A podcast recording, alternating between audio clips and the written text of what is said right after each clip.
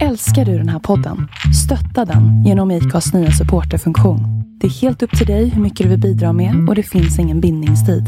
Klicka på länken i poddbeskrivningen för att visa din uppskattning och stötta podden.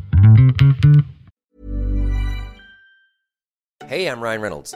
På Midmobile vill vi like to do opposite of vad Big Wireless gör. De laddar you mycket. We charge you a little. So naturally, when they announced they'd be raising their prices due to inflation, we decided to deflate our prices due to not hating you.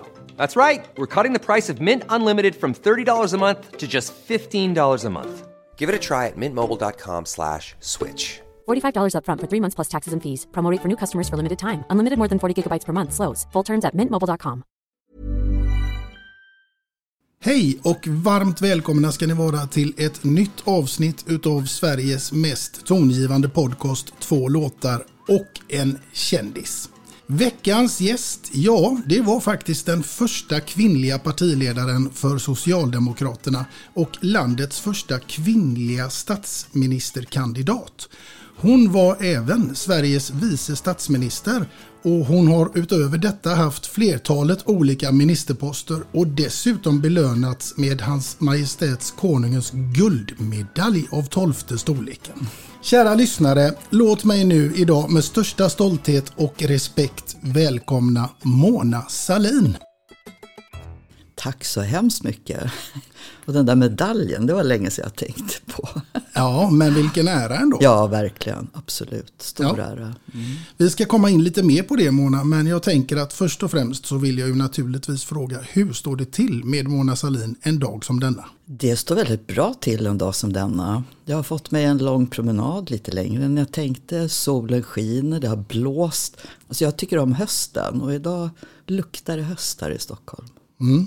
Du Mona, du är född den 9 mars 1957 i Skellefteå. Mm, det stämmer. Hur var din uppväxt?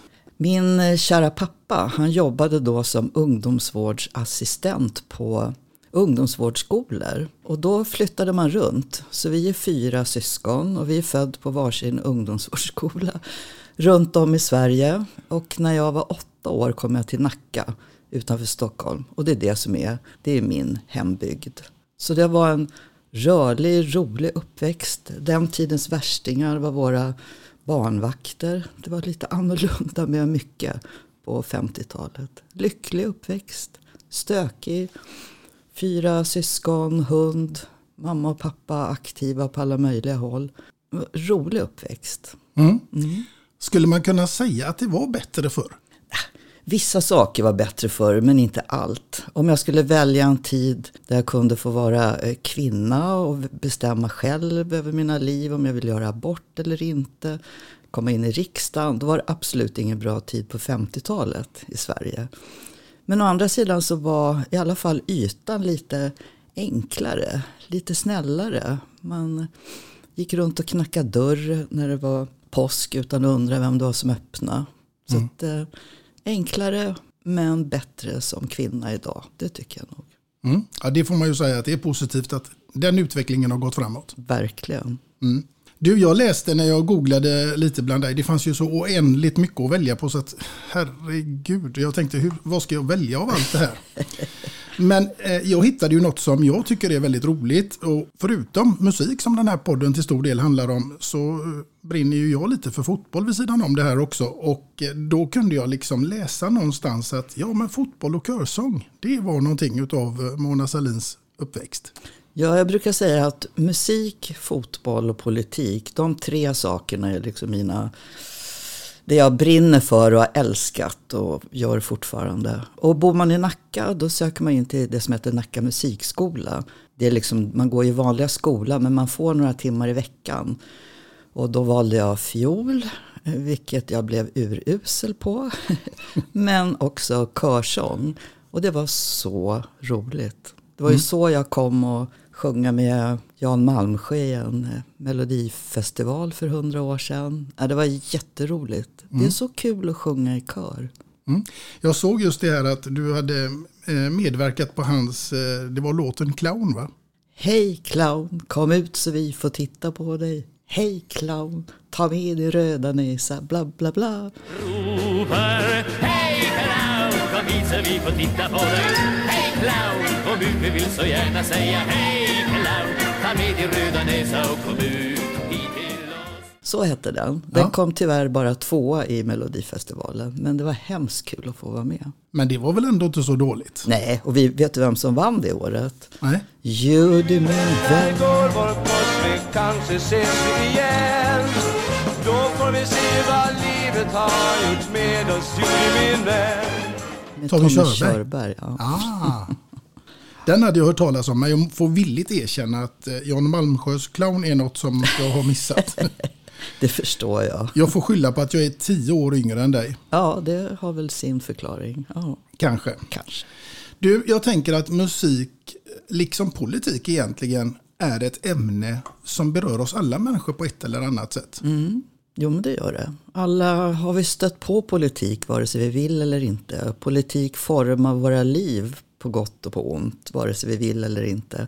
Och musik, det, den finns ju bara man vill lyssna efter den. Och eh, många minnen som man har eh, är ofta kopplade, i alla fall för mig, till musik. En olycklig kärlek kan man plötsligt bara drabbas av minnet när man hör en låt på radion till exempel.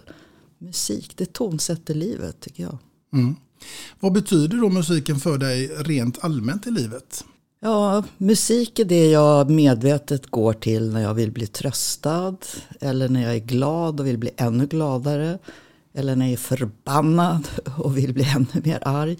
Musiken förstärker på något vis eh, känslorna i mitt liv.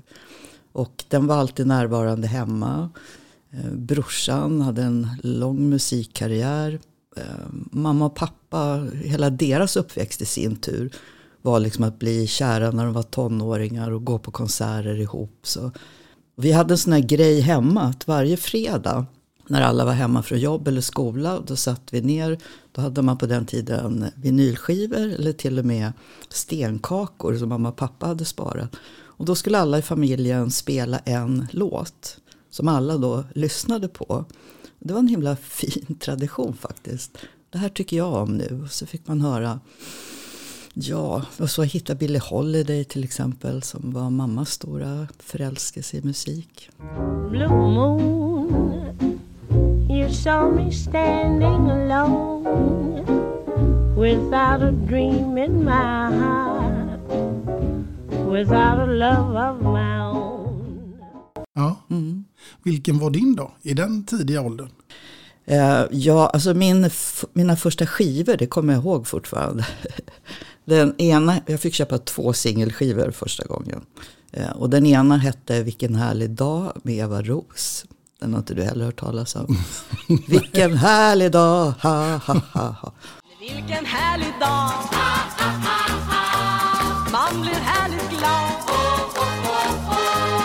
Hela livet ler Kan Och sen så var det Bridge over Troubled Water med Simon och Garfunkel. Något mer känd för mig. Något mer känt, ja.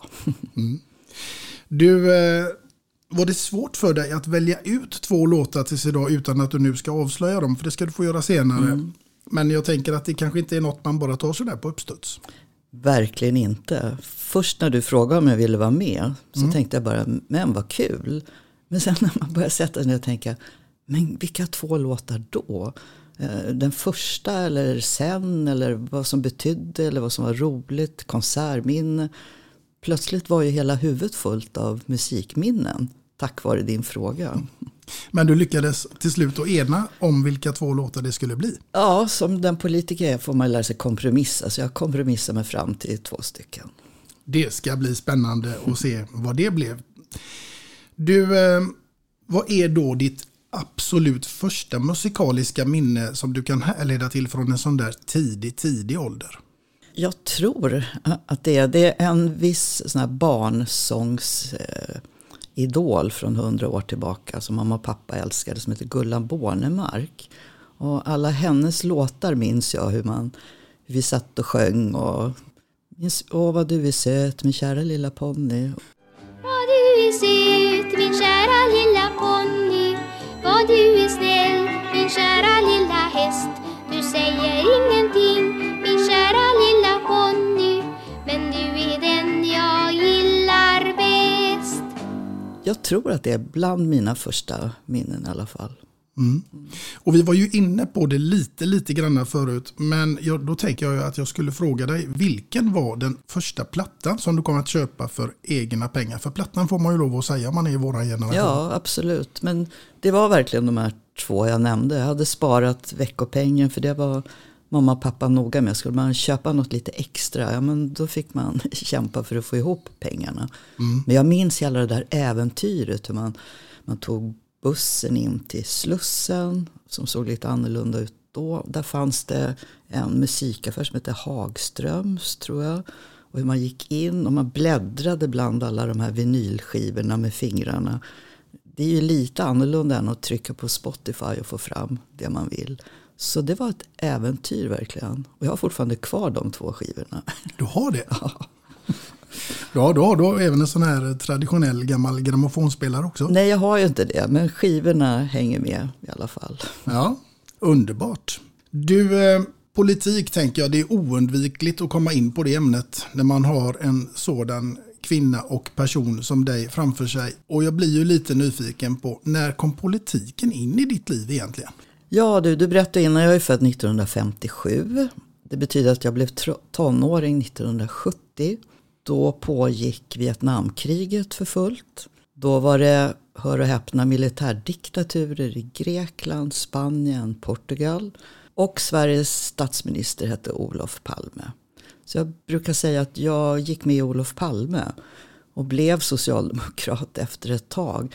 Men det var allt det här som skedde utanför Sverige. För då tyckte väl vi många att Sverige var väl färdigt. Men där utanför, där hände det saker som krävde att vi gjorde någonting åt det. Och sen förstås både mamma och pappa var aktiva i, i socialdemokratin. Och det gjorde ju att jag i början absolut inte ville bli sosse. Man skulle ju inte bli bara för mamma och pappa. Så jag prövade mig fram i alla ungdomsförbunden. Mest för syns skull. Men det blev ju förstås SSU. Men Olof Palme och Vietnamkriget, de två sakerna slog in som en bomb i mitt liv.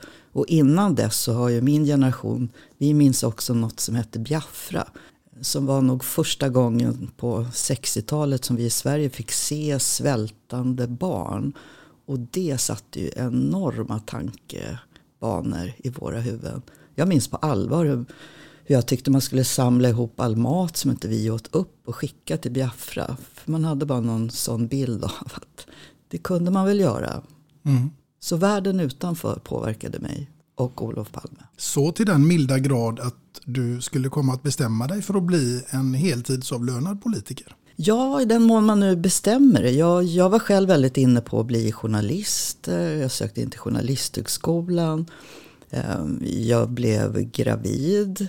Ungefär samtidigt som det skulle bestämmas vilka som skulle stå på riksdagslistan i Stockholm. Ehm, Och jag hamnade ganska långt ner. Så jag tyckte det, det var väl easy peasy.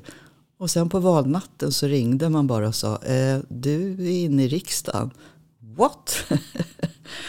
så sen blev jag kvar. Så det är ju inte så att, inte speciellt många, inte jag i alla fall. Det är ju inte så att man sitter och drömmer så här jag ska bli politiker eller jag ska bli heltidspolitiker.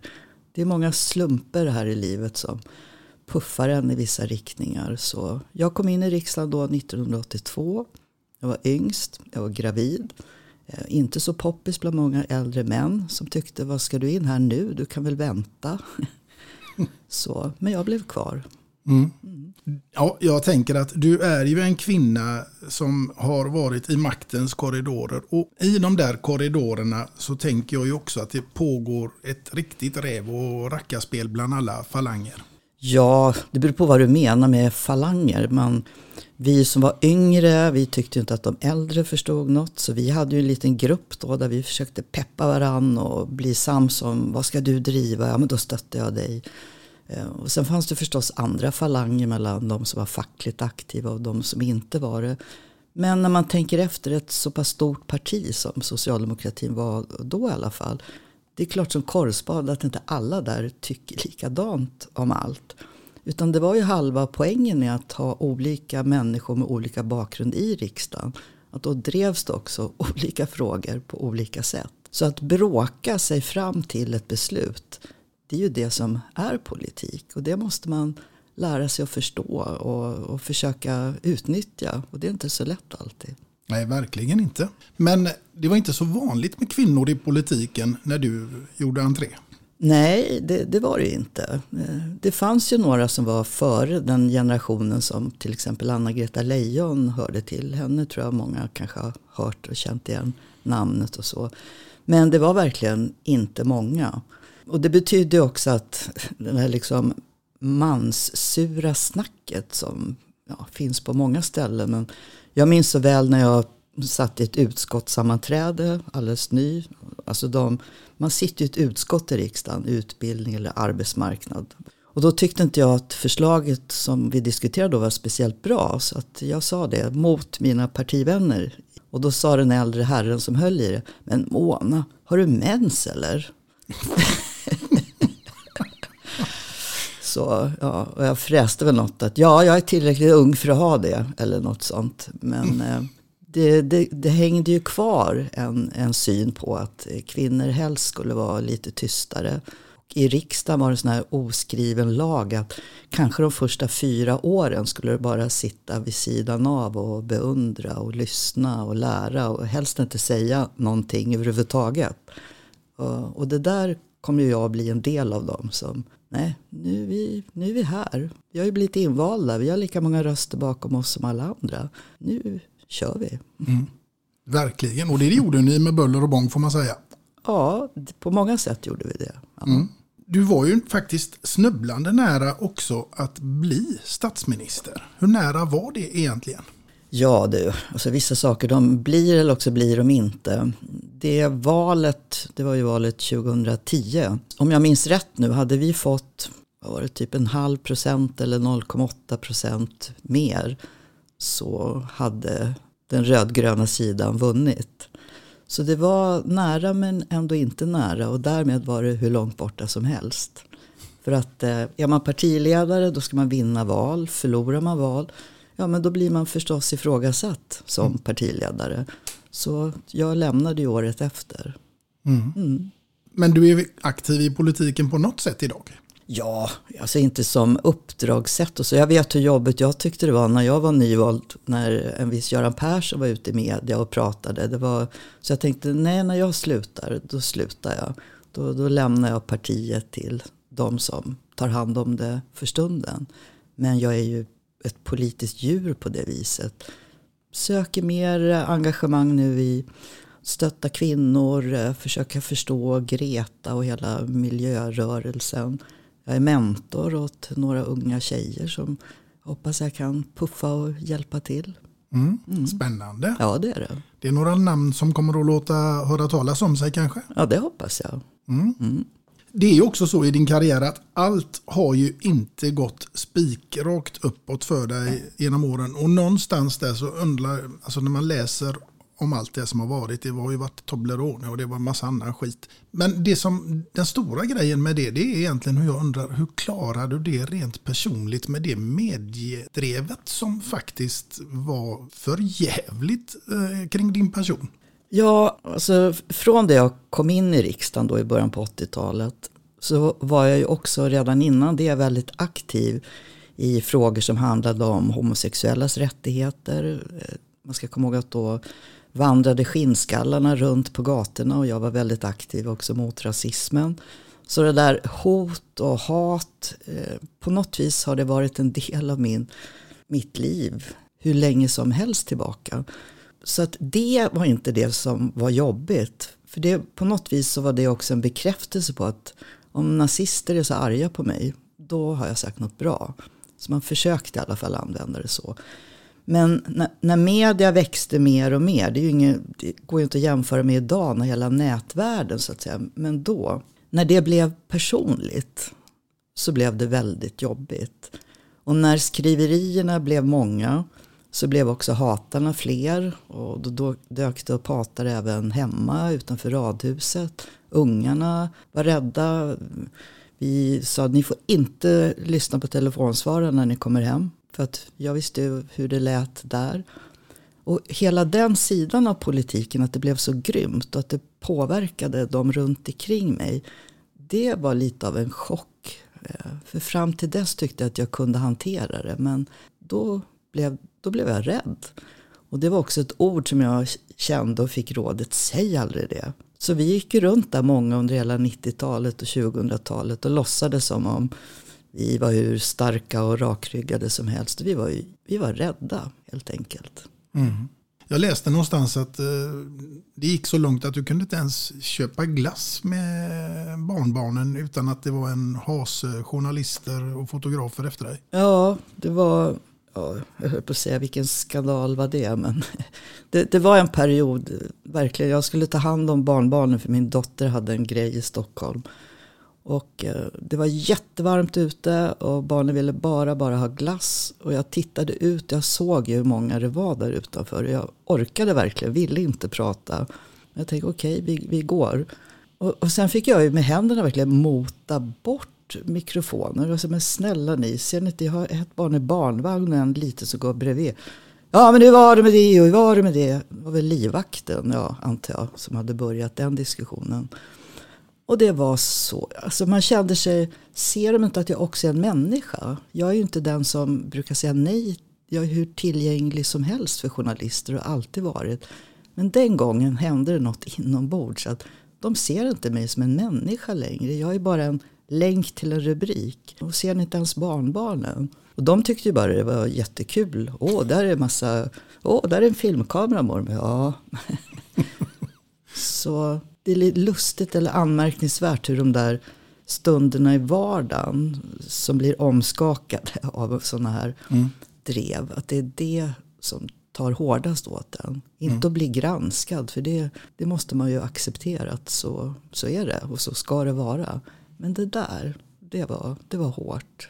Ja, men alla kan ju göra fel och, och liksom det blev det ju med den där livvakten och något intyg eller vad det var. Jag är inte så insatt i det. Men, men Men det var fel och det tog ju jag det straffet. Det är liksom, gör man fel, ja, men då erkänner man. Man får försöka sona på bästa sätt. Men Men det var ju inte det de skrev om. nej, det blev ju så mycket mer. Till slut var det som om den här livvakten, precis som många av, som har jag jobbat med med livvakter, man, blir, man, blir ganska, man lär ju känna varandra. Man sitter ju i bilen och tåg och flyg, timtal, de är alltid med en. Och just den här livvakten eh, vigde jag med, med sin fru bara några veckor innan allt det här. Och sen när skriverierna, de var ju verkligen som att det är hennes älskare. Och det går ju hur försvarar man sig mot det? Ska jag liksom ringa upp och säga nej, han är inte min älskare. Men varför ska jag behöva säga det? Men hur kan de ens komma på att det var det? Ja, inte vet jag. Du, vet, du pratade om skvaller så där, och ränker i politiken. Ja, men det, det, det skvaller, herregud. Någon säger något som någon annan hakar på och så ser någon, ja men jag såg dem, ja men var det så? Och så plötsligt så är det ett rykte som har blivit en sanning och som det är upp till mig då att dementera. Och det går inte. Nej. Det går inte. Så det är mycket som följer med i den här rollen eh, som offentlig person och politiker givetvis. För det finns de där ute som bara står och väntar på ett litet, litet snedsteg så, som kan orsaka rubriker och därmed kanske också då påverka Jo. din arbetsinsats. Alltså jag, jag hyllar verkligen svensk journalistik på många sätt. Men det, det finns också någonting med den här klickjournalistiken som har utvecklats långt utanför Facebook och Instagram. Det finns ju långt in i kvällstidningarna. Och, och klick, då är det ofta personen som det måste handla om. Då ska det vara, eftersom jag blev ett förnamn under så lång tid så var det liksom Mona och något med skandal så liksom då blir det klick, klick, klick, klick. Och, och då, då är det som om granskningen eh, försvinner utan den kommer först i efterhand. Det finns liksom inget som stoppar i förväg för att säga men vänta lite nu. Vad är det här egentligen? Vad, vad har de gjort egentligen? Vad, vad är sant? Vad är relevant? Och hon är också en eh, person. Har det här något med hennes politiska uppdrag att göra? Alla de frågorna har ju försvunnit till stor del idag. Utan det går liksom från mun till rubrik, pang. Och sen kommer eftertanken när det är för sent. Lite så ja, Ja, absolut. Det tycker jag var ganska bra beskrivet faktiskt. Klickjournalistik. Du, eh, du har gjort väldigt mycket bra saker i politiken också. Och vad är ditt absolut bästa minne från din långa karriär som politiker? om, om du tra- prata bara om minne först som man verkligen minns. Jag, jag har tre gånger i mitt liv fått träffa Nelson Mandela. Och, och det sitter ju högt, högt, högt upp. Jag är inte religiös men att träffa Mandela tror jag är som att träffa Jesus. Det var den känslan och det var en sån ära. Det glömmer jag aldrig, aldrig, aldrig. Nej. Nej. Vad, vad var det som var så speciellt med Nelson Mandela och det mötet? Ja men dels så kommer jag ihåg Anna Lind hade samma minne hur, hur man stod eh, med en bössa eller namninsamling för man hade hört talas om att någonstans långt borta fanns det en person som hette Mandela och han fick tydligen inte rösta bara för att han var svart. Det här måste vi göra någonting åt. Alltså han var en del på något vis av hela, hela uppväxten. Och sen kom ju insikten om Sydafrika, om apartheid. Och att han satt fängslad i över 30 år.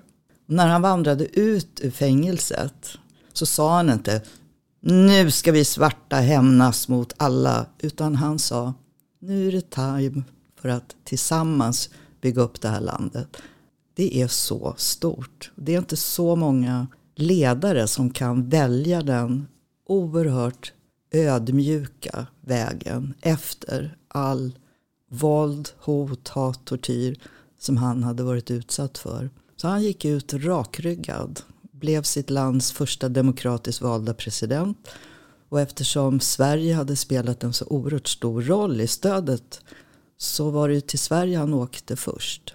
Tyvärr var ju inte Olof Palme kvar i livet då. För det var ju mycket Olof Palmes kamp som det här började med. Mm. Men, eh, och då fick jag träffa honom. Ja, det måste ha varit en häftig upplevelse, det förstår jag. Ja, men sen har jag fått heja på Zlatan också. Det är också stort. Ja, det är stort. För det är nämligen min drömgäst här i podden. Jag vet inte hur jag ska lyckas med det. Men, eh, det vet inte jag heller. men eh, ja, Ja. vilken resa. Du, jag tänker att vi ska fortsätta här i, i våran eh, trevliga intervju. Men nu övergå lite grann till musikens tecken. Och delvis också fantasins tecken. Därför att nu är det så här, Mona Salin, att du ska få befinna dig på en öde ö i ett helt år. Utan mediadrev denna gången. Och då undrar jag, vilken platta tar du med dig till den här öde ön? I ett helt år. Öde ö ett helt år. Alltså den första som bara får in mig nu. Den eh, första sån här vuxna stora musikupplevelsen som jag hade. Det var ju eh, The Dark Side of the Moon med Pink Floyd.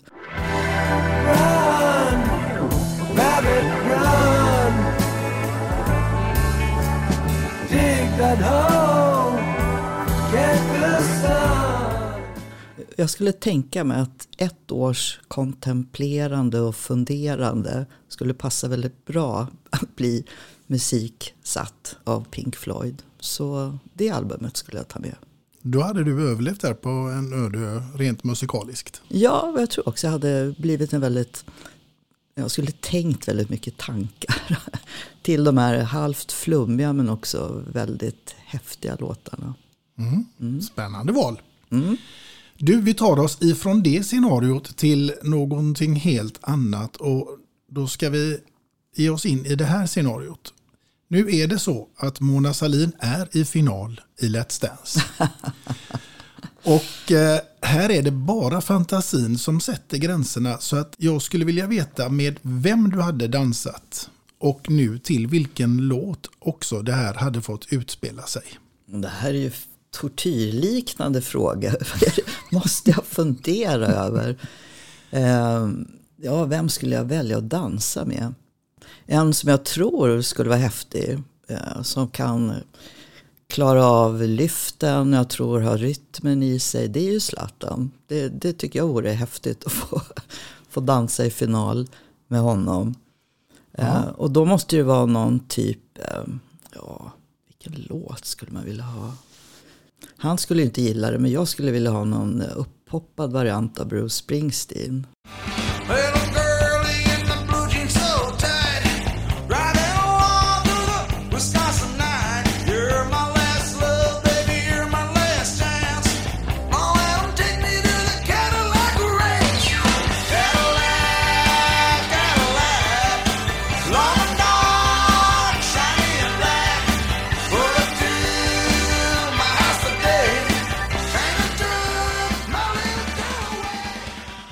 Typ så. Det låter ju helt otänkbart vilket det är. Men Zlatan och Bruce Springsteen samtidigt. Ja, Ja. varför inte? Nej. Vilket häftigt val. Ja, men det här tror jag Tony Irving hade gillat. Absolut. Du, eh, det är faktiskt så att vi börjar att närma oss ditt första låtval för dagen som jag är extremt nyfiken på vad det skulle kunna vara och med vem och givetvis också då inte minst varför. Ska jag ta första nu?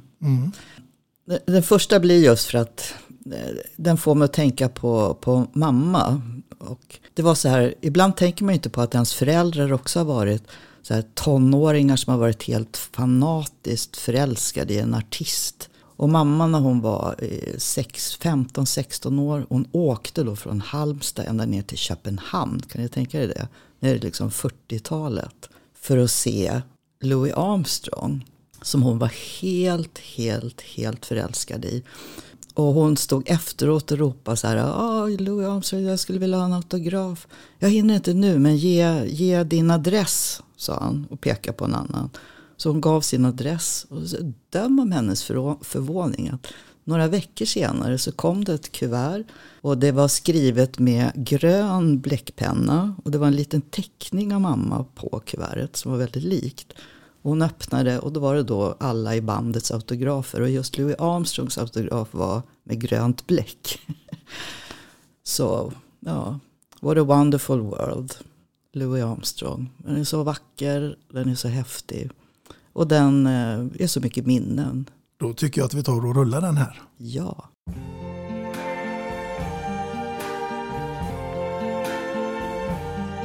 I see trees of green, red roses too. I see them bloom for me and you. And I think to myself, what a wonderful world.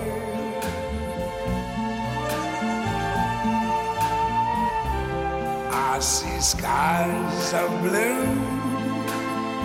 and clouds of white, the bright blessed day, the dark sacred night, and I think to myself, what a wonderful world.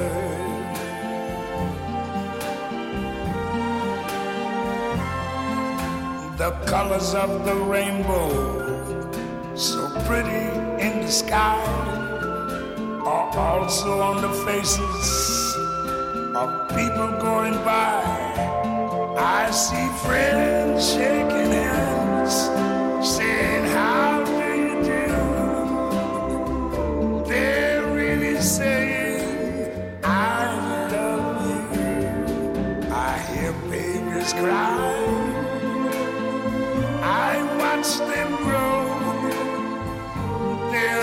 much more than I never knew. And I think to myself, what a wonderful world. Yes, I think to myself, what a wonderful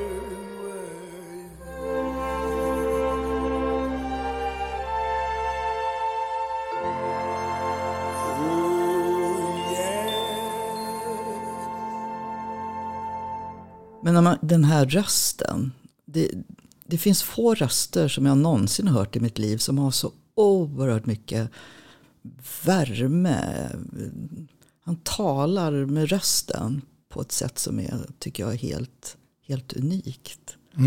Så ja, jag vet den är jättemånga spelar den jätteofta. Men just det där att stanna upp och minnas. Jag kan ju tänka på den här söta, söta tonårstjejen som drog iväg på det där stora äventyret bara för att få se Louis Armstrong live. Så mamma älskar dig och mamma älskade Satchmo som han ju kallades. Så ja, mitt hjärta blir stort. Underbart. Vilket eh, härligt minne och vilket bra val. Verkligen. Du, nu ska vi faktiskt ta oss till ett helt annat scenario. Det blir nästan dess raka motsats för att nu har du fått välja en låt här, första låten. eh, Men eh, nu går vi in i ett scenario när du är där hemma och städar säger vi. Och radion är påslagen. Och helt plötsligt så dyker det upp en låt som får dig att känna nej, nej, nej, jag stänger av eller byter kanal. Vad skulle det kunna vara? Alltså jag är inte sån som går runt och hatar vissa musikstilar. Men är det någon musikstil som jag gillar mindre än andra så ska det väl vara en sån här riktigt töntig amerikansk countrylåt. Då skulle jag nog stänga av och sätta på något annat. Amerikansk country, nej den har jag aldrig förstått. Den är inte riktigt eh, din smak. Nej, det är den verkligen inte. Nej. Du Vet, jag växte upp på 70-talet och liksom, kan du tänka dig gitarrer, det är ju liksom Led Zeppelin. Sådana. Då, då städade jag bra till den typen av låtar.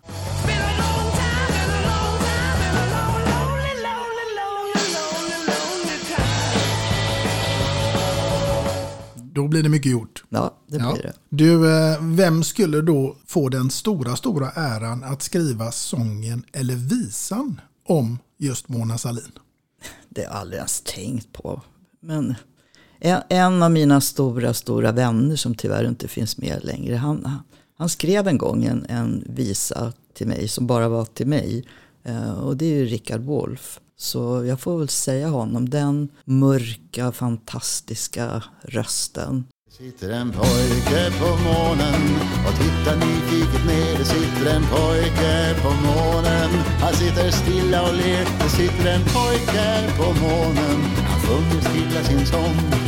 Älska, älska för kärlek. Älska en endaste gång.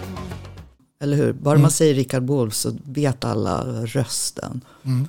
Så det var en variant på en flicka på månen som, ja, Richard Wolff säger jag. Mm. När man hör hans namn så i alla fall i min värld så är det Änglagård. Ja men verkligen. Änglagård men sen så mycket mer. Hans, han älskade ju eh, alltså, franska damer, Barbara Piaf. Och han var fantastisk att sjunga på franska. Så himla vacker.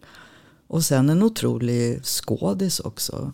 Sett honom i Amadeus och Dorian Grays porträtt och, och sen en väldigt, väldigt god vän. Men Änglagård, Pojken på månen och sen inte minst som han ofta skojade om. Man kan, kunde stå i en bar och flirta med någon kille. Så kom killen fram och sa Och du, kan inte du, om jag tar upp mobilen här, kan inte du säga Det var jag som dödade Mufasa. och då kändes Rickard plötsligt 30 år äldre än alla andra. Så Lejonkungen är ju också Rickard. Ja, verkligen. Han skulle få skriva låten eller visan som man faktiskt redan har gjort då kan man ju säga men dock ett, i ett outsläppt format. Ja, verkligen. Men du, eh, när jag googlade dig som sagt var, då hittade jag ju också att du fanns med i någon låttext. Nu kommer jag inte ihåg vilken det var. Men det var några tjejer där som hade, eller ja, i, någon, i någon text fanns du med. Eh, ja, jag vet inte riktigt. Den enda texten, jo men, jo men nu vet jag, Feven. Jag vet inte hur många som minns henne. Jag tror bland de första, om inte den första kvinnliga rapstjärnan verkligen. Eh, Och hon skrev en låt där en av textraderna var Kasta ut Göran Persson och sätt Mona på posten. Just det. Så gick den. Men det var väl ändå stort att få hamna med där? jättestort. Och det var fruktansvärt roligt. Några år efter så eh, ringde Petter eh, som då producerade en eh, det, vi, video, en musikvideon till den här låten. Och frågade om jag ville vara med på den. Oh, så jag, vad ska jag göra då? Då stod jag utanför en port när hon öppnade och sa precis de här orden. Så ett månad på posten. Då skulle jag plocka upp en Toblerone och ge till Feffen. Vilket jag gjorde. Det var jätteroligt. Men de andra statisterna, några var så här väldigt, väldigt unga små killar. Och de var ju fram till mig så här, du, du är du också känd? Ja, jo, jag är lite känd också. Jaha, och, och du gillar choklad eller? allt blev så komiskt på något vis. Så jag sa, jo, jag gillar choklad. Och så gick jag. Det är ändå lite gulligt på något sätt. Jättegulligt. Ja. Du, eh, nu ska vi ta oss in i ett ganska trevligt och roligt och spännande scenario. För att nu är det så här Mona att du är hemma och du ska ha en middagsgäst. Och här är det också bara fantasin som sätter gränserna. Så du får välja precis vem du vill. Jag vill veta vem det hade varit, vad du hade bjudit den här gästen på till middag och till vilken låt som hade fått ligga där i bakgrunden nu till den här fantastiska middagen. Jag har aldrig varit med om en sån här svår intervju någon gång. Det här är ju supersvårt. Ska jag ta det, ska jag ta det som ett bra betyg? Ja, men eh, vill du att jag tänker musikgäst eller Nej, gäst vilken som, som helst? Eh, En som jag verkligen hade velat sitta och prata med länge och mycket, det är ju eh, Obama. Jag är så fascinerad av, av honom och att det i det här landet som just nu bara föder gubbstruttar som finns överallt i politiken så hittade ju politiken då en, en 40-årig ganska okänd politiker som blev den första svarta presidenten i, i USA. Och, och jag är så nyfiken på honom och en annan amerikan som jag skulle låta snurra på bands, eller skivspelaren samtidigt. De hade en podd ihop också några gånger och det är ju Bruce Springsteen. De där två, dels är det tror jag de vackraste röster jag någonsin har hört. De, framförallt Obama, hans röst är ju men att jämföra sina uppväxter, den ena arbetarklassen ifrån Newark, den andra den svarta killen som har vuxit upp på alla möjliga ställen, men framförallt i Chicago. Och pratade om hur de på olika sätt kom fram till, inte minst då, varför rasismen var så förödande för ett samhälle som, som USA. Eh, och Springsteen har ju skrivit väldigt många låtar som också springer ur eh, framförallt en afrikansk ung kille som blev skjuten tror jag, med 47 skott eh, av polisen. Och låten han skrev heter just, jag tror, jag måste kolla det, det får du göra, 47 shots.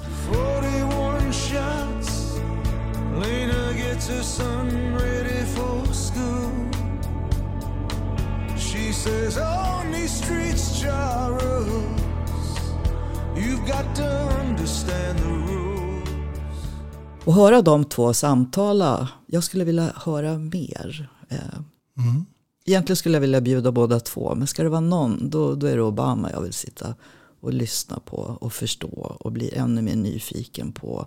Att, eh, som ett hopp också om att även politik i USA, där ju jag har en dotter och två barnbarn, även, även politiken i USA har varit lysande och kanske kan bli eh, hoppfull någon gång igen, för det är den inte nu. Mm. Nej, det håller jag med om. Vad är då den första frågan du hade ställt till Barack Obama? What would you like for dinner? Jag skulle vilja veta vad jag skulle laga för mat först. Resten tror jag ger sig. Ja, men då, då, nu får vi le leka att du har lagat mat här så då blir jag nyfiken på vad skulle du bjuda honom på till middag? Ja, men det skulle vara något som varade länge så man kan eh, sitta och varför inte en eh, riktigt, det är jag bra på, en riktigt, riktigt god lasagne. Det skulle jag nog göra. Med en riktigt god sallad till. Så vet jag inte om man gillar rödvin, annars är ju rödvin ganska gott till lasagne. Mm, Eller vatten. Mm. Har du något sånt där hemligt recept på en eh, god lasagne? Nej, det, det, alltså jag, jag har ju varit gift eller är gift med en som har varit kock under stor del av sitt liv. Och är det någonting Bosse har lärt mig det är att prova, stoppa i. Du vet det där öppna kylskåpet. Ja, vad är här? En gammal ost. Ja, men den river jag ner. Så för mig är recept det att göra något av det man har hemma. Och det, det blir ofta väldigt gott. En liten slurk vin här, en liten vitlök där, en gammal ostskiva som man river ner där. Jättegott. Man skulle vilja vara en liten fluga på väggen där i det här scenariot med Mona Sahlin, Barack Obama, Bruce Springsteen i bakgrunden, en god lasagne och givetvis ett glas rött här eller två. Ja, eller hur? Det blir en lång kväll. Ja, väldigt in- Hey, I'm Ryan Reynolds. At Mint Mobile, we like to do the opposite of what Big Wireless does. They charge you a lot, we charge you a little. So naturally, when they announced they'd be raising their prices due to inflation, we decided to deflate our prices due to not hating you. That's right. We're cutting the price of Mint Unlimited from $30 a month to just $15 a month. Give it a try at mintmobile.com slash switch. $45 upfront for three months plus taxes and fees. Promo rate for new customers for limited time. Unlimited more than 40 gigabytes per month. Slows. Full terms at mintmobile.com. Intressant sådan. Ja. Du, eh, jag måste ju fråga dig, är du socialdemokrat idag? ja, absolut. Jag är socialdemokrat. Jag har valt att inte vara med i, i partiet. Jag kände mig inte som jag vet inte, partist längre. Men socialdemokrat, ja men visst. Det, det är jag. Det är mina värderingar. Det är min, mitt hjärta och min själ, socialdemokratin. Jag blev intutad en gång i tiden för många år sedan när jag spelade fotboll att eh, när jag råkade komma med Moderaternas eh, mäs- eh, märke på väskan. Ja, Då hade vi en som inte riktigt uppskattade det och tog mig då åt sidan och, och ställde frågan liksom att ja men tycker du att vi behöver backarna i ett fotbollslag? Ja, det behöver vi. Ja, behöver vi mittfältarna? Ja, det behöver vi ju dem också liksom. Ja. Anfallarna då? Ja, jo, då, men det, jag tänkte vilken dum jävel liksom. Det är klart vi behöver dem. Ja, då kan vi se det så här, sa han, att eh, backarna, de kan du se som städare. Mittfältarna kan du se som grovjobbare. Och eh, anfallarna är där då, ja men de är lite tjänstemän eller vad man ska kalla det för. Och sen har vi ju materialförvaltare och vi har styrelse och vi har klubbdirektör och vi har läkare och vi har hitan och ditan. Anser du att alla behövs? Ja, ja. Är det inte så i samhället också då tycker du? Eh, jo, bra. Då kan du ta bort det där jävla märket du har på väskan. du, det var en tuff lektion måste jag säga. Vad gjorde du? Tog du av märket eller Ja, slutade du? nej, jag fick ju göra det och han påminde mig också att brutalt att jag hade ju faktiskt inte betalt en enda krona i skatt hittills. Jag undrar vad han säger idag då, när Fredrik Reinfeldt är ordförande för fotbollsförbundet. Det är nya tider. Det är nya tider Mm. nu ja. Det, så får man lov att säga. Och det värsta med Reinfeldt är ju inte att han är moderat utan det är att han är djurgårdare. Men det får man ta också. Vad är du då? AIK? Jaha, jag hade ju hört ryktesvägen att eh, du är djurgårdare. Nej, vad det ser någon som sprider ut illasinnade rykten och skvaller. det är inte mycket som är sant. Alltså, men det går inte så bra för AIK just nu. Nej, det gör det verkligen inte. Det är sorgligt. Jag tror att vi hankar oss kvar men det är verkligen inte roligt att se. Nej. Det du går på- inte så bra för Göteborg heller. Kan jag, ju. jag vet inte om du håller på Djurgården, kom, eller från Göteborg. Jag håller på Göteborg. Ja. Eh, nej, det har inte gått så bra för Göteborg heller. Men de sista sju, åtta matcherna här så har man ju sett en klar förbättring. Och det är ju, det är ju väldigt kul. Ja, och AIK, trots att de har varit urusla, slog ju Djurgården med 2-0. Så att man får något att glädjas åt. Går du på matcherna? Ja, det gör jag. Inte lika mycket som förr. Det är lite jobbigt fortfarande att vara i den typen av eh, fulla killar, samlingar. Det, ja, man råkar ofta ut för en massa. Så, så Är det så fortfarande? Ja, ja, men så är det. Folk som är fulla. Och en del av eh, gängen runt fotbollslagen i Stockholm är ju inte helt glada i en sån som mig. Och det låter de ofta höra. Och då förstör det liksom hela upplevelsen för mig. Så att eh, jag går inte så ofta längre. Det är tråkigt att vi Mm. har den, eh, om man nu generellt sett säger, så skulle jag också säga att eh, läktarkulturen idag är inte jätterolig. Nej, det är den verkligen inte. Jag glömmer aldrig att jag tog med en av mina barnbarn. Och när killarna, liksom, eller männen som stod bredvid, vi var ju verkligen inte på norra stå utan ja, när de började ropa liksom domaren är en fitta och jävla hora och, och så ska jag och min dotter eller mitt barnbarn, en tjej då, står liksom varför säger de sådär? Och då blir man ganska, man tappar ju lusten att överhuvudtaget närma sig en fotbollsarena. Mm. Och även fast jag försökte säga till dem här, de var liksom helt inne i sin egen värld. Såg inte ens att bredvid dem stod en liten tjej som till slut började gråta. Så vi bara gick därifrån. Så skäms, säger jag bara. Skäms på er. Tror du att Reinfeldt kan få ordning på det här? Eh, Jag, jag hoppas det. Han, han, han, är, han är en bra person att sitta ordförande för fotbollsförbundet. Så all lycka i världen till honom. Mm, ja, det får vi hoppas. Oavsett vem, vad personen heter så är det något som behöver åtgärdas. Ja, så är det. Du, eh, efter den här tunga tiden med, eh, med eh, Toblerone och livvakt och allt vad det var för något generellt sett i livet så hamnade du så småningom i en depression. Först, det låter så roligt när du säger allt med Toblerone och livvakt. Ja, det är det jag har läst. Ja, men jag, jag med, absolut. tycker att eh, Jag- egentligen så är det inte det man vill prata Nej, om. men jag, liksom. jag fnissar ibland bara för det, det är ändå så, ja. Ja. Men nej, absolut, jag hamnade i en, en ganska djup depression till slut. För det är svårt att förklara hur en person som jag som är så van vid att bli granskad, omskriven och utskälld och hyllad och hatad och älskad och allt på samma gång.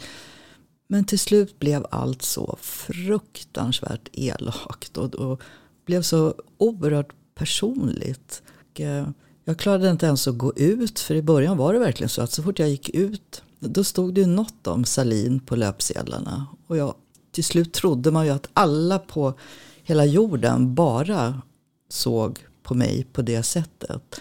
Så det var, det var jobbigt. Till slut så var det en, en av mina vänner som verkligen sa Mona, sök hjälp. Jag ordnar en tid, jag skickar en taxi. Gå ut, sätt dig där, åk. Eh, Och det var väldigt bra. Det gjorde du. Ja, det gjorde jag. Och det behövdes. Höll det sig länge? Om man säger så här, jag är ju inte samma människa idag som jag var innan det. det jag är påverkad som person.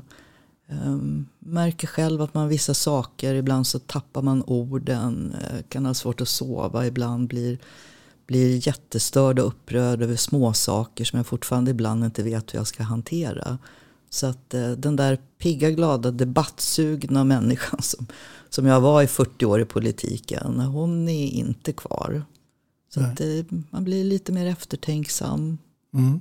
Och det är inte så dumt alla gånger heller. Men jag är annorlunda, så är det. Mm. De här människorna som står och debatterar i politiken att hur otroligt skickliga de är på att finna sig snabbt i, i de här sammanhangen som de befinner sig. Mm.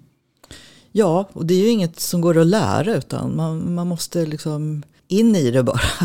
och kötta och lär dig och gör bort dig och gör om och gör rätt. Och det är en väldigt, väldigt tuff värld. Det är verkligen det. Och det har på något vis är ju tuffheten har blivit ännu mer i och med att den sociala nätverksvärlden är liksom nere på mikronivå i att granska varför har Ebba Busch en vit klänning? Och det här, det svaret kanske bara är eh, hon tyckte den var snygg. Nej, då ska det finnas, någon. hon behöver visa att hon var det och var det. Och, och är det inte lite urringad? Och, alltså man är nere på nivåer som samtidigt när ekonomin går åt helvete, människor blir skjutna, det är jobbigt och svårt och klimatet. Och så är ändå granskningen nere på en nivå som blir nästan förolämpande för alla. Jag gillar inte Ebba Busch men lyssna på vad hon säger och prata om det. Inte att om hon är där för att hon är snygg eller ja. Det är Nej. inte lätt att vara kvinna i politiken fortfarande kan jag säga. Nej, men det kanske kommer att bli bättre får vi hoppas. Ja, det hoppas vi verkligen. Mm. När känner du egentligen att du blev Mona Salin med hela svenska folket? Ja, grejen är väl att jag blev Mona. Jag blev ett förnamn väldigt tidigt. Eh, Jag var väldigt ny som minister. Vi la fram ett förslag i början på 90-talet som hette stopplagen. Man skulle, ja, ekonomin var så dålig så man skulle försöka sätta ett stopp då via politiken för priser, höjningar, hyreshöjningar, allting. Och det gick inte så bra så man fick ångra det där och dra tillbaks det. Så där satt jag som den yngsta, nyaste ministern och var ansvarig för det och sa vi hade fel. Vi behöver göra om det här. Jag är hemskt ledsen. Och då var det som om hon sa att hon hade fel. Eh, och ja, det är verkligen så. Där och då blev jag Mona. Jag sa någonstans, men man kan bara dra ner byxorna på sig själv en gång. Och det tyckte folk var jätteroligt. så ja, jag blev väl Mona för jag var väldigt annorlunda, lite kaxig. Inte så många som var unga kvinnor i, i regeringen. Eh, och väldigt orädd, för jag har alltid känns det som politiken var, var hemmaplan. Så jag behövde var, liksom inte vara rädd för det. Man kände Ingvar Carlsson så man behövde inte vara rädd. Man, jag var som jag var och det funkade då och väldigt länge. Det får man lov att säga. Mm. Då ska vi se om det här funkar lika bra för nu kommer ju den här signalen.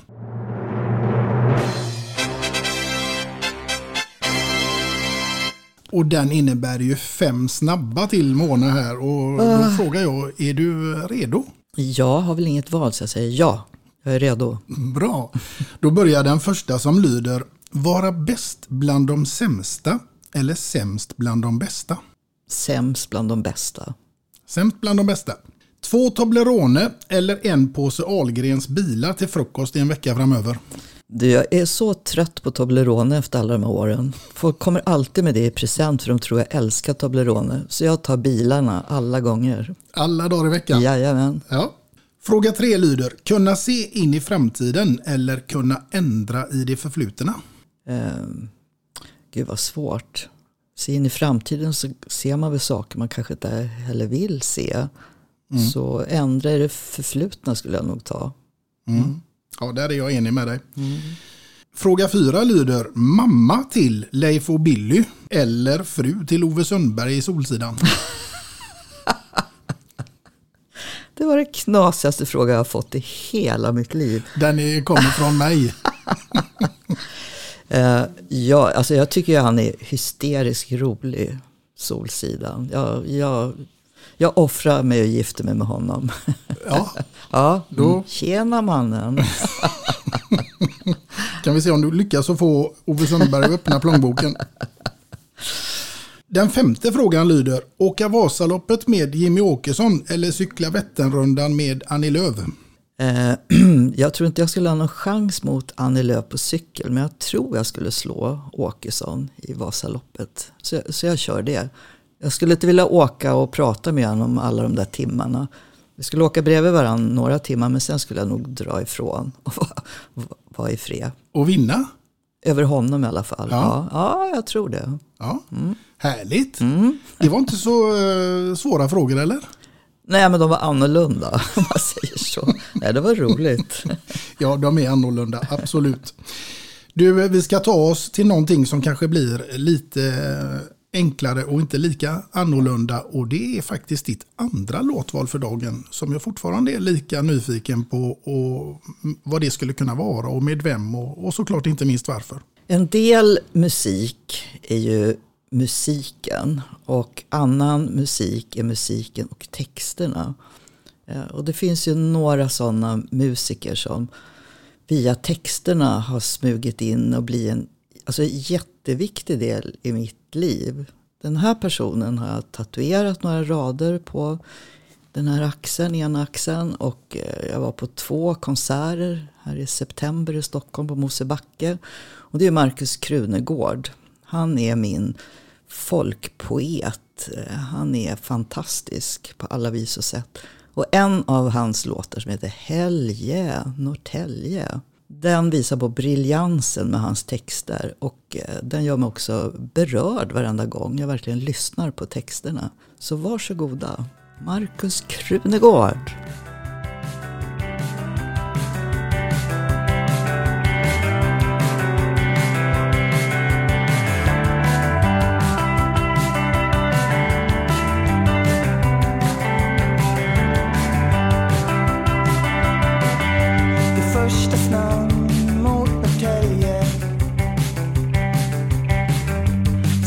Sista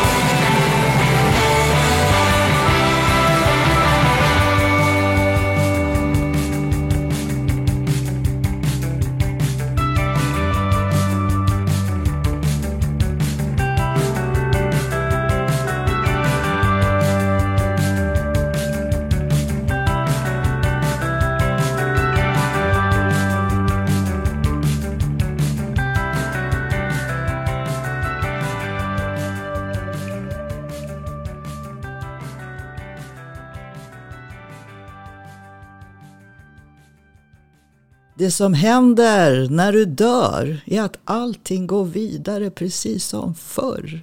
Alltså bara den meningen knockade mig. Eh, Och han har också ett sätt att väldigt liksom enkelt betrakta sin samtid. Och med rim som ibland är helt hopplösa att förstå. Men vänta nu, fick han ihop det där? Som Helge och Norrtälje. Så upphör han aldrig att eh, förvåna mig. Eh, Och jag lyssnar om och om igen. Eh, En sån här fånig textrad med som att alla klyschor stämmer, stämmer. Det är så typiskt Markus Krunegård.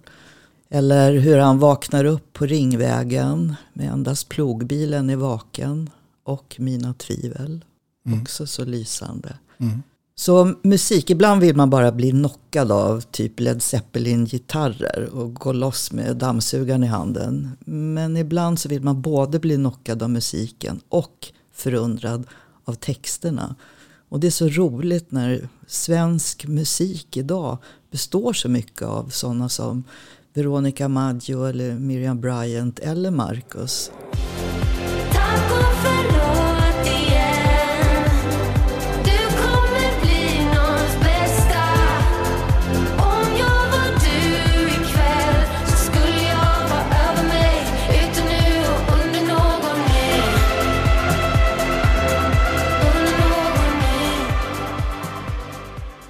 Texterna är en, en så otroligt viktig del Mm. i deras förunderliga förmåga att eh, göra oss förälskade i det de gör.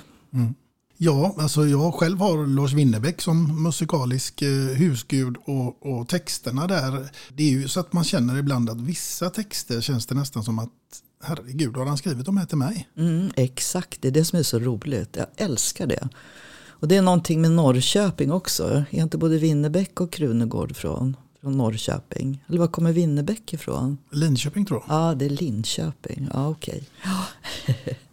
Nej, men verkligen man känner att han skriver eller hon skriver till mig. Mm. Men det var så roligt sist på när vi stod på Mosebacke och det spöregnade verkligen. Det öste ner och han spelade och några tjejer och jag stod bredvid varandra. De var väl kanske 17-18 och allas mascara, min med, låg liksom långt ner på kinderna. Så tittade de på mig och sa de, Åh, men det är så häftigt att du som är så gammal, liksom, att du också gillar och du också.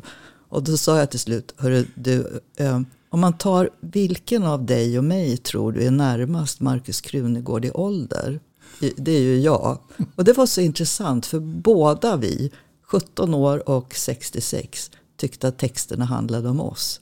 Och mitt emellan står Marcus. Eller en Winnerbäck, eller en Veronica Maggio, eller en Håkan Hellström. I love musik, så är det bara. Ja, verkligen. Du, eh, nu tänker jag att vi ska komma till någonting som inte handlar om musik men som kommer att bli väl så roligt och du kommer att minsann att få lite revansch på en del personer här. För jag utgår ifrån att du väl känner till sagan om Snövit och de sju dvärgarna. Ja, den känner jag bra till. Och då är det så här att din uppgift här den blir att placera ut politiker som du har mött under din karriär och som här passar in under respektive karaktär. Och då undrar jag ju givetvis vem av alla politiker du har mött skulle kunna få gå in under kloker. Ja, en som både var klok men framförallt tyckte att han var otroligt klok. Det är Göran Persson. Han är ohotad som kloker. Göran Persson får den. Japp. Du, om vi tar oss ifrån Göran Persson och Kloker och tills dess raka motsats, då hamnar vi ju hos Toker. Ja, alltså Tok, jag älskar ju den figuren som bara glider runt i livet. Och en av mina stora favoriter i politiken det är ju Thomas Bodström. Han glider också runt alltid glad och med ett leende och med 40 historier. Så Toker är, det är Bodström. Thomas Bodström den. Ja. Du, då tar vi oss ifrån eh, Toker och Thomas Bodström till någon inte så energifylld politiker och det lär bli en trötter. Ja, en trötter. Ska man ta det liksom bildligt eller inte? Men eh, en som jag tycker ser väldigt trött ut. Kanske borde fundera på att sova lite mer. Eh, ja, vem sjutton är det? Ja, Ulf Kristersson just nu ser väldigt trött ut. Och jag säger det om med kärleksfullt också. För han har väldigt mycket. Och han ser trött ut. Så jag hoppas han får några goda nätters sömn mitt i allt gängvåld och inflation.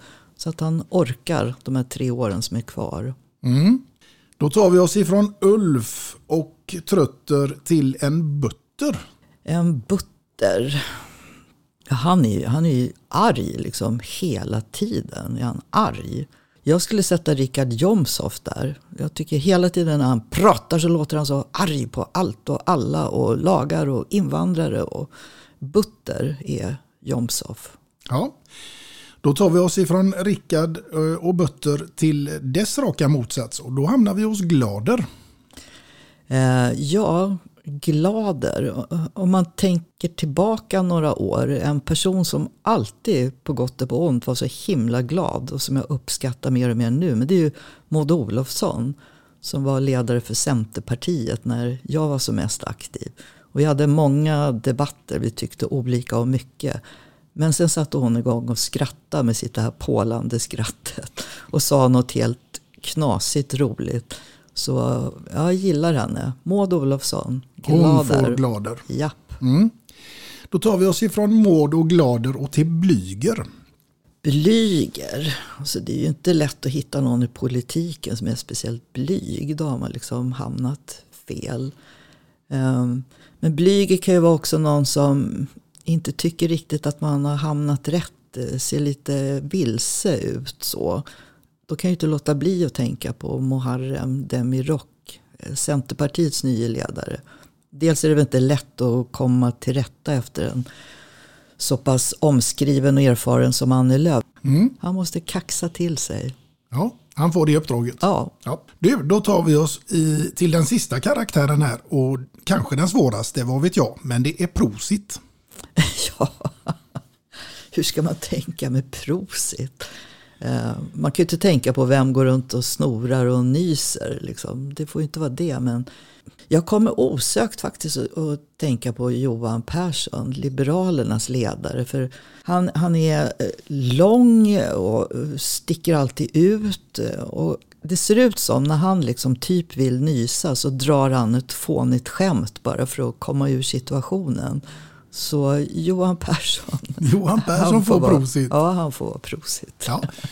Och så har vi den sista karaktären kvar och den spelar ingen roll om du ger en manlig eller kvinnlig version av, men det får bli Snövit själv då. Ja, just det. Vi har Snövit kvar också. Politiker eller någon annan sort? Politiker. Eller bara politiker? Åh, vad svårt. Det här var ju jätteknepigt. Snövit, hon får ihop alla de här dvärgarna, eller hur? Mm. Eh, Och, och eh, hon får dem att vara glada och trivas och umgås. eh.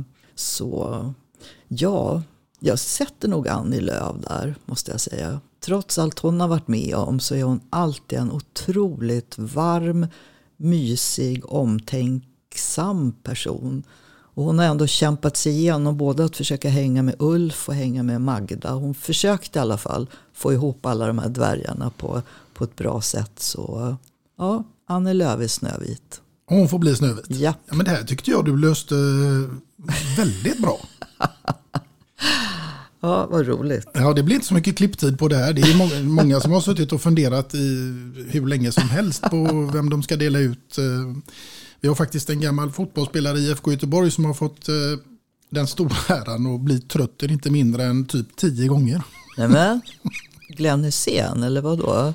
Nej, inte Glenn Hysén. John nej. Ekström. Ah, okej. Ja, det är för mycket Göteborgs skämt för mig. Ja.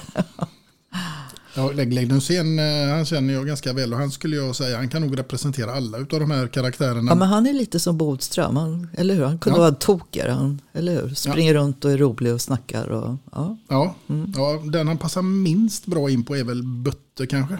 Eller Snövit rent utav. Ja, faktiskt.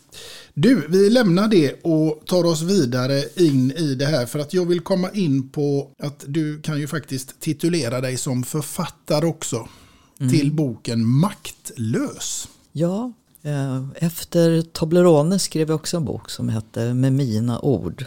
Mm. Som också beskriver mycket hur man har känt många gånger. Att nu får ni lyssna på mig, det här är vad jag tycker hände. Och maktlös, ja den blev ju också som en punkt på, på mitt, eh, de, den sortens politi, politiska liv som jag lämnade då.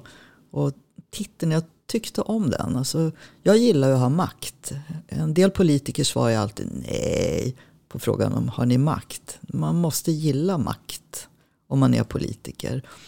Eh, eh, men det är också väldigt skönt att vara lös från allt det där. Och att vara maktlös kan också vara en drivande kraft för en politiker som kan gå åt båda hållen. Man tappar makt men också att ibland kan ju inte politiken lösa allt. Det blir en väldigt maktlös känsla. Som jag tror kanske Ulf Kristersson känner idag med gängvåldet. Det, man, man vet vad man vill men man är maktlös ibland. Men nu är jag lös och fri. Jag vet precis vad du menar för jag kände mig ganska maktlös när jag vaknade i morse och tänkte att herregud, då har du gett in på Anders. Du ska ha en av Sveriges skickligaste politiker genom tiderna framför dig. Och det ska du hantera nu här verbalt. Det blir inte lätt att ställa frågor till denna människa tänkte jag, men ja. Men du har ju lyckats överraska mig hela tiden. Du har ställt frågor som jag aldrig överhuvudtaget tänkt på att sitta här och fundera över Snövit och då. Men det blev väldigt roligt. Ibland är ju politik också det där att locka folk att tänka på saker utan att skriva det liksom på näsan på dem. Eh, Och det tycker jag du var bra på. Du kanske har en framtid som politiker med om du vill. Jag kan vara din mentor då. Ja, det, man har ju naturligtvis om det här med rättvisa och så som man har med sig i, sina, i sitt DNA så att säga. Men att jobba med det, nej det tror jag inte. Nej, jag vet. Det, det låter som ett eh, otroligt svårt yrke. Ja, och man får ju aldrig riktigt se det som ett yrke heller. Po- Politik är ju ett förtroendeuppdrag. Och så länge du har förtroende så kan du jobba som det. Och när du tappar förtroendet då är det bara att gå. Så det är, det är väl ja, annorlunda yrke får man säga. Ja, det, det får man säga. Men du var ju politiker under många, många år. Vilket beslut är du mest nöjd med att du har tagit? Jag har svårt att sätta någon lista på det. Men om man, om man säger så här. Jag är sedan typ 30 år tillbaka också vigselförrättare. Och varje gång idag när jag viger två killar eller två tjejer med varann. Och ser deras lycka och ser deras familjers lycka och deras barns lycka. Då känner jag varje gång att fan Mona, du var en del i att göra det där möjligt. Eh, och det gör mig otroligt glad. Politik kan ju vara så här, okej vi höjde skatten med 3 procent. Det är liksom inget man går och drömmer om när man blir äldre. Men ibland är ju politiken sån att den på allvar ändrar människors liv. Och öppnar möjligheter som man inte haft innan. Och för mig är väl homosexuellas rätt att gifta sig och skaffa barn. Det är jag oändligt stolt över att ha varit en del i. Mm. Eh, Du har ju naturligtvis varit med och tagit många andra beslut också. eh, Massor. Påverkat. är det något som du känner sådär att ja, det skulle jag inte ha gjort?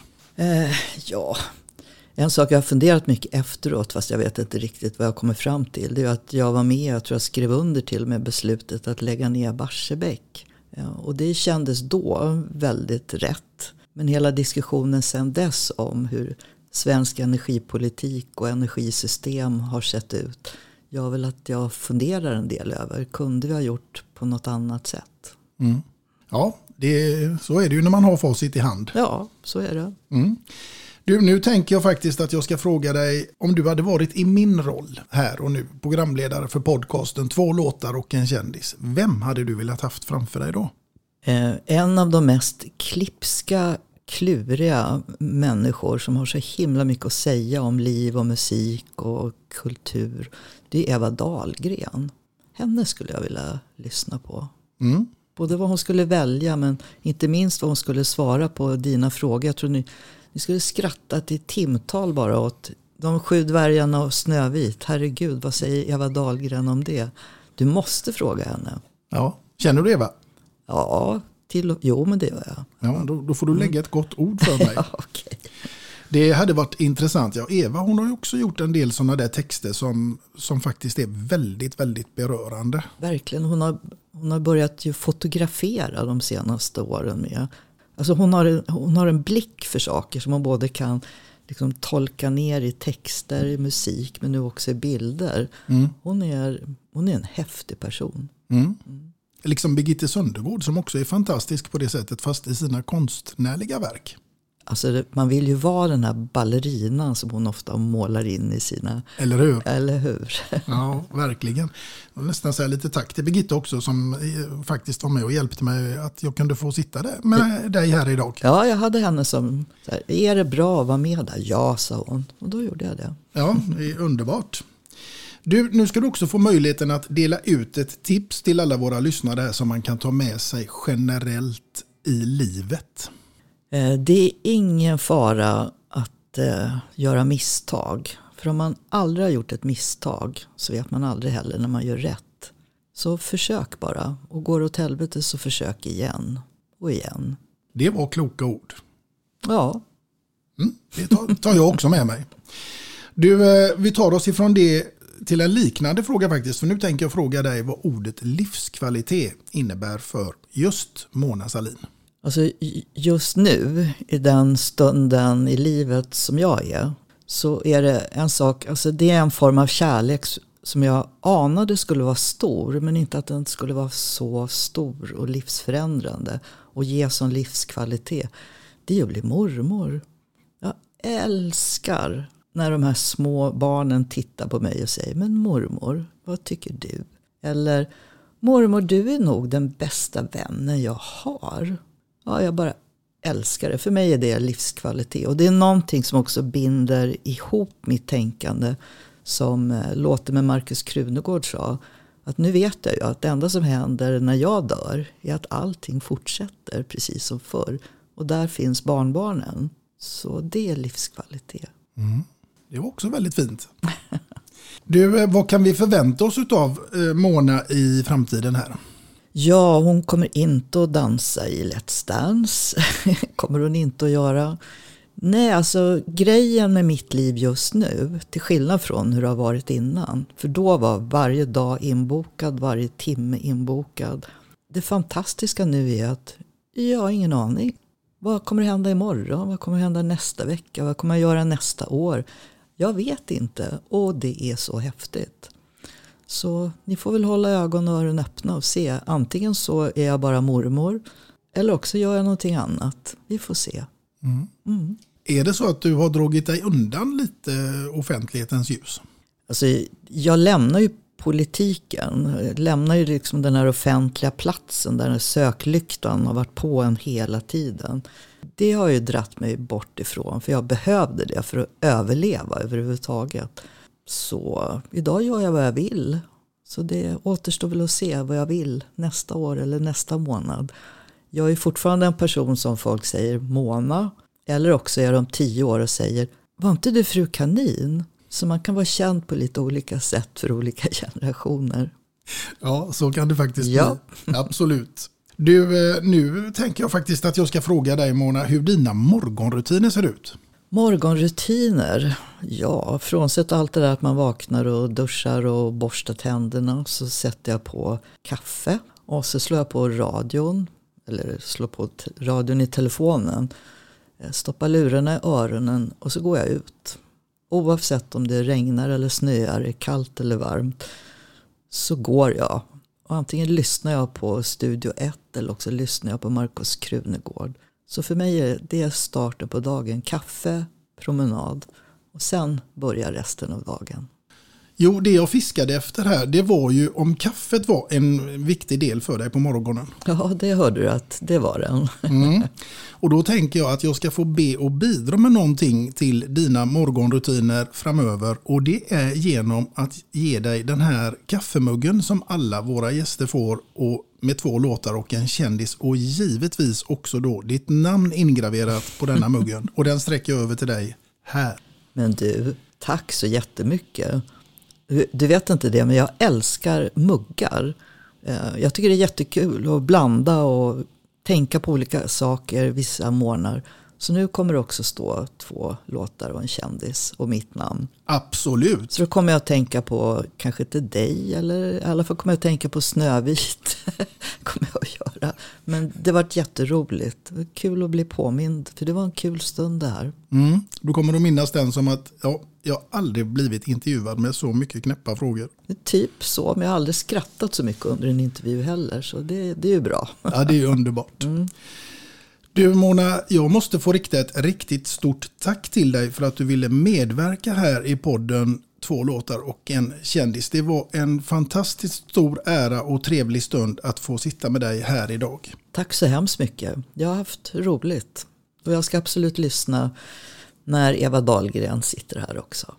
Det hoppas jag också att det blir verklighet. Men fram tills dess, kära lyssnare, så får ni stå ut med att vänta och se vem som blir nästa gäst. För det vet jag inte själv ännu. Men tills dess så får ni naturligtvis ha det så gott där ute allihopa. Hej då! Hej då!